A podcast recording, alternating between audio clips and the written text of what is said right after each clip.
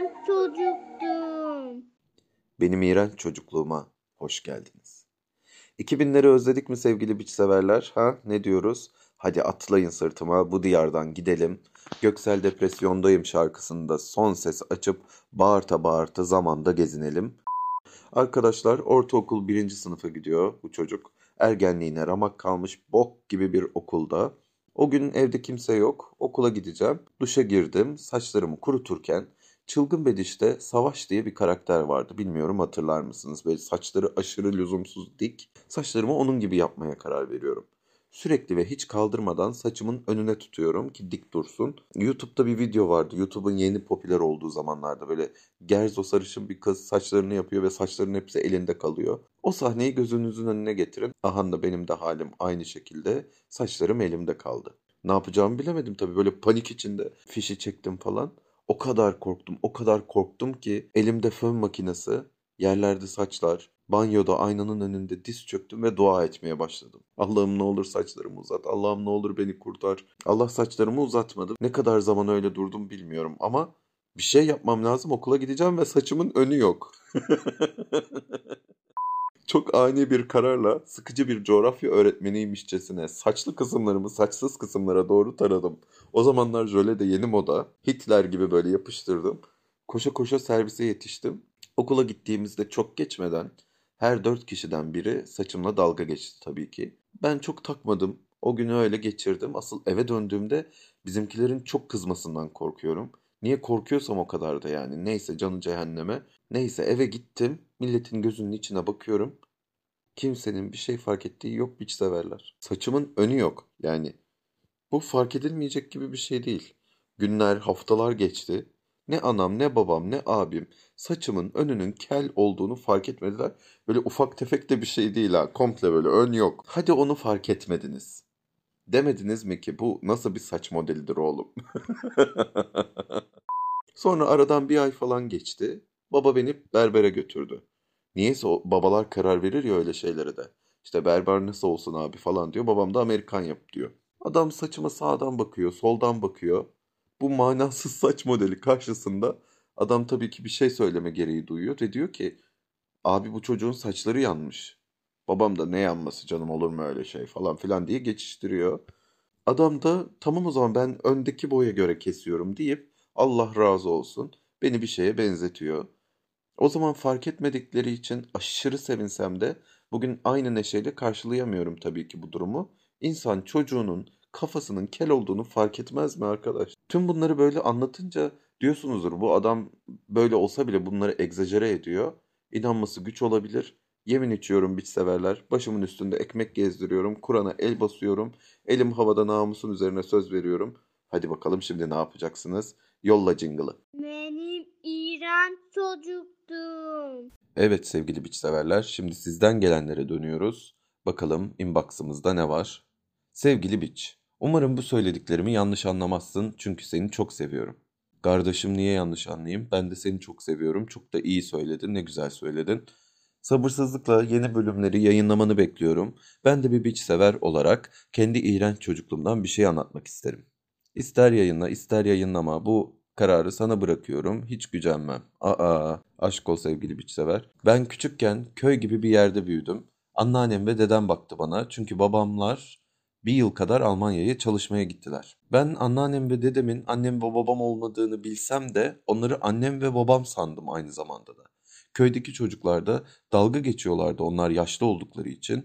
Öyle çok gelişmemiş bir köy değildi, varlıklı bir köydü, gelişmiş bir köydü. Ama köydü nihayetinde. Uzakta şehir merkezinde bir okula gönderdiler beni.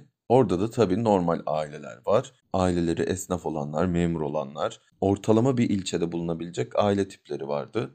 Beni dedemler yetiştirdiği için tabii çok çirkin çirkin kıyafetler giydir. Pardon kardeşim. Çirkin çirkin kıyafetler giydirirlerdi. Defterlerim falan ucuz ucuz olurdu. Kalemlerim, silgilerim renksiz. Anneannem gibi bulgur kokardım. Aşırı tatlısın kardeşim. Bu köylülük halinden hep çok utandım. Hep de utandığım için kendimi suçlu hissettim. Annemler bir yıl sonra döndüler tabii. Ama bendeki değersizlik hissi yıllarca geçmedi. Harika bir hikayeyle karşı karşıyayız sevgili bir severler.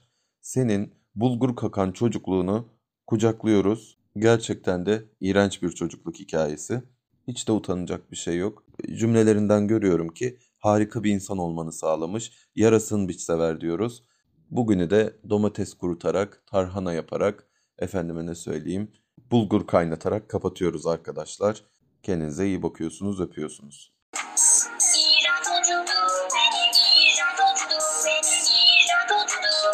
Benim İran çocukluğum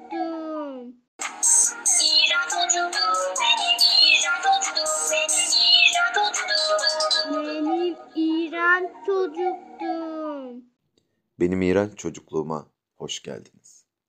2000'leri özledik mi sevgili biç severler? Ha ne diyoruz? Hadi atlayın sırtıma bu diyardan gidelim. Göksel Depresyondayım şarkısında son ses açıp bağırta bağırta zamanda gezinelim. Arkadaşlar ortaokul birinci sınıfa gidiyor bu çocuk. Ergenliğine ramak kalmış bok gibi bir okulda.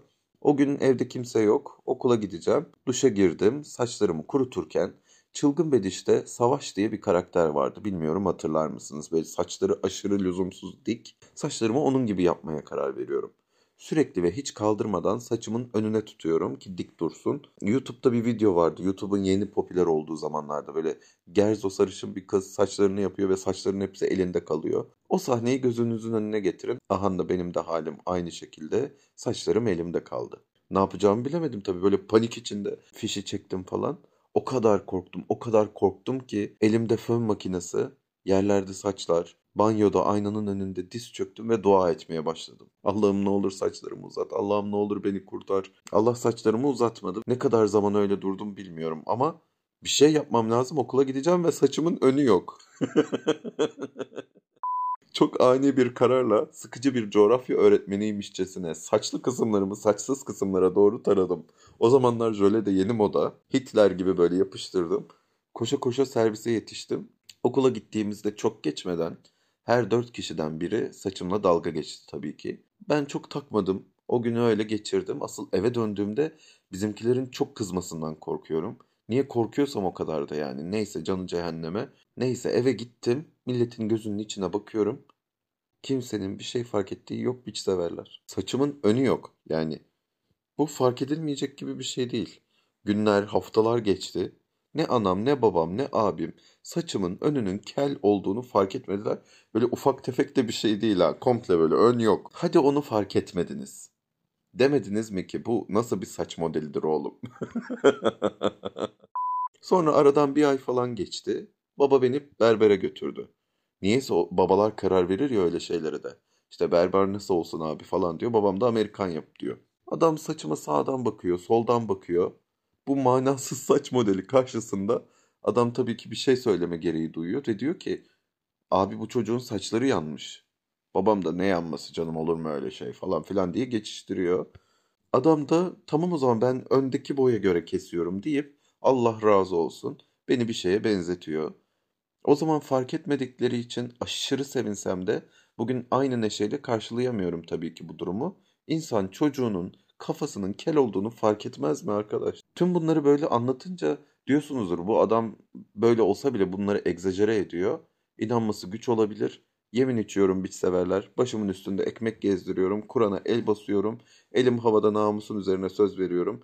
Hadi bakalım şimdi ne yapacaksınız? Yolla jingle'ı. Benim İran çocukluğum. Evet sevgili biç severler, şimdi sizden gelenlere dönüyoruz. Bakalım inbox'ımızda ne var?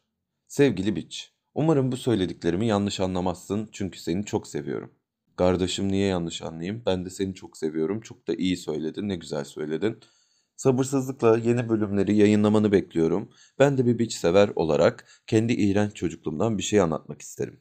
İster yayınla, ister yayınlama. Bu kararı sana bırakıyorum. Hiç gücenmem. Aa, aşk ol sevgili biç sever. Ben küçükken köy gibi bir yerde büyüdüm. Anneannem ve dedem baktı bana. Çünkü babamlar bir yıl kadar Almanya'ya çalışmaya gittiler. Ben anneannem ve dedemin annem ve babam olmadığını bilsem de onları annem ve babam sandım aynı zamanda da. Köydeki çocuklar da dalga geçiyorlardı onlar yaşlı oldukları için.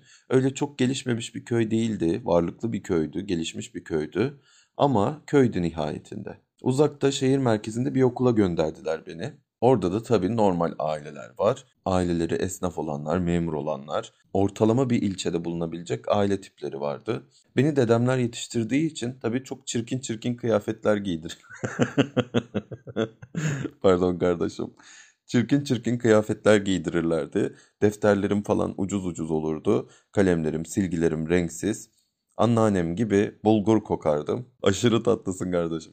Bu köylülük halinden hep çok utandım. Hep de utandığım için kendimi suçlu hissettim. Annemler bir yıl sonra döndüler tabii. Ama bendeki değersizlik hissi yıllarca geçmedi. Harika bir hikayeyle karşı karşıyayız sevgili bir severler. Senin bulgur kakan çocukluğunu kucaklıyoruz. Gerçekten de iğrenç bir çocukluk hikayesi. Hiç de utanacak bir şey yok. Cümlelerinden görüyorum ki harika bir insan olmanı sağlamış. Yarasın biç sever diyoruz. Bugünü de domates kurutarak, tarhana yaparak, efendime ne söyleyeyim, bulgur kaynatarak kapatıyoruz arkadaşlar. Kendinize iyi bakıyorsunuz, öpüyorsunuz.